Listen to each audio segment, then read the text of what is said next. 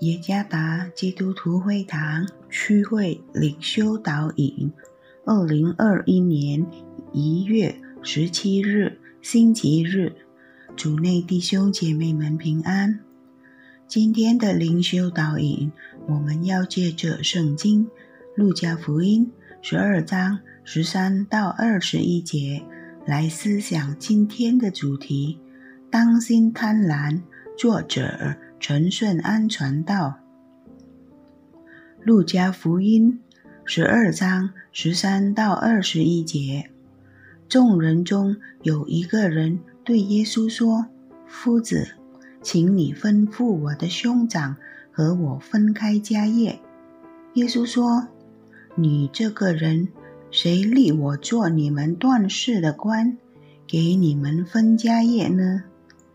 于是。对众人说：“你们要谨慎自守，免去一切的贪心，因为人的生命不在乎家道丰富。”就用比喻对他们说：“有一个财主田产丰盛，自己心里思想说：‘我的出产没有地方收藏，怎么办呢？’”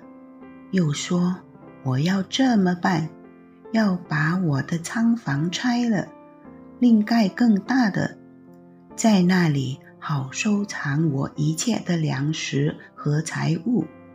然后要对我的灵魂说：‘灵魂啊，你有许多财物积存，可做多年的费用，只管安安逸逸的吃喝快乐吧。’”神却对他说：“无知的人呐，今夜必要你的灵魂，你所预备的要归谁呢？凡为自己积财，在神面前却不富足的，也是这样。”几年前，在某个电视台，有一个人物在犯罪节目中被绰号为“囚犯兄弟”。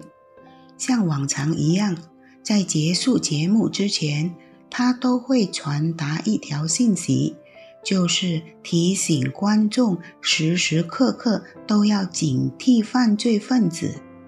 他所传达的信息内容是：犯罪发生不仅是因为犯罪者的意图，乃是因为有机会。在今天的经文中。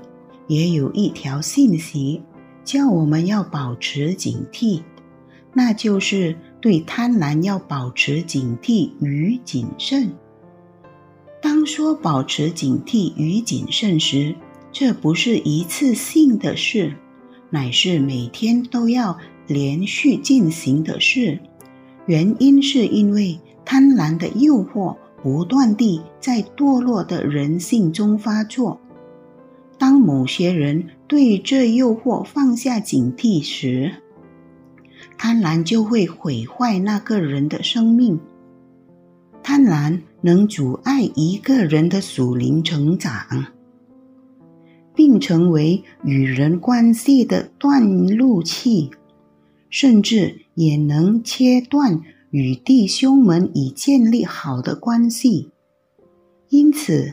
主耶稣如此警告当时在场的每个人，他的目的是要让他们不把生命依赖在暂时的财产上。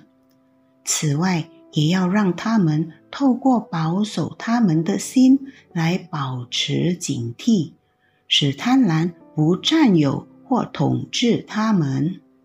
作为基督门徒，根据今天的经文，我们必须不断地记住要对贪婪保持警惕，因为贪婪能够牢笼任何人，不看那人的身份或地位。当一个人被贪婪牢笼时，他的属灵成长必受拦阻，上帝不再是他唯一的依靠。因世界上暂时的财富已成为他的依靠。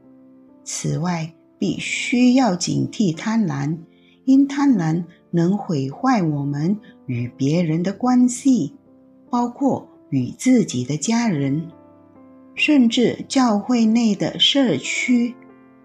始终都要警惕贪婪，因为贪婪能够牢笼任何人。主耶稣赐福。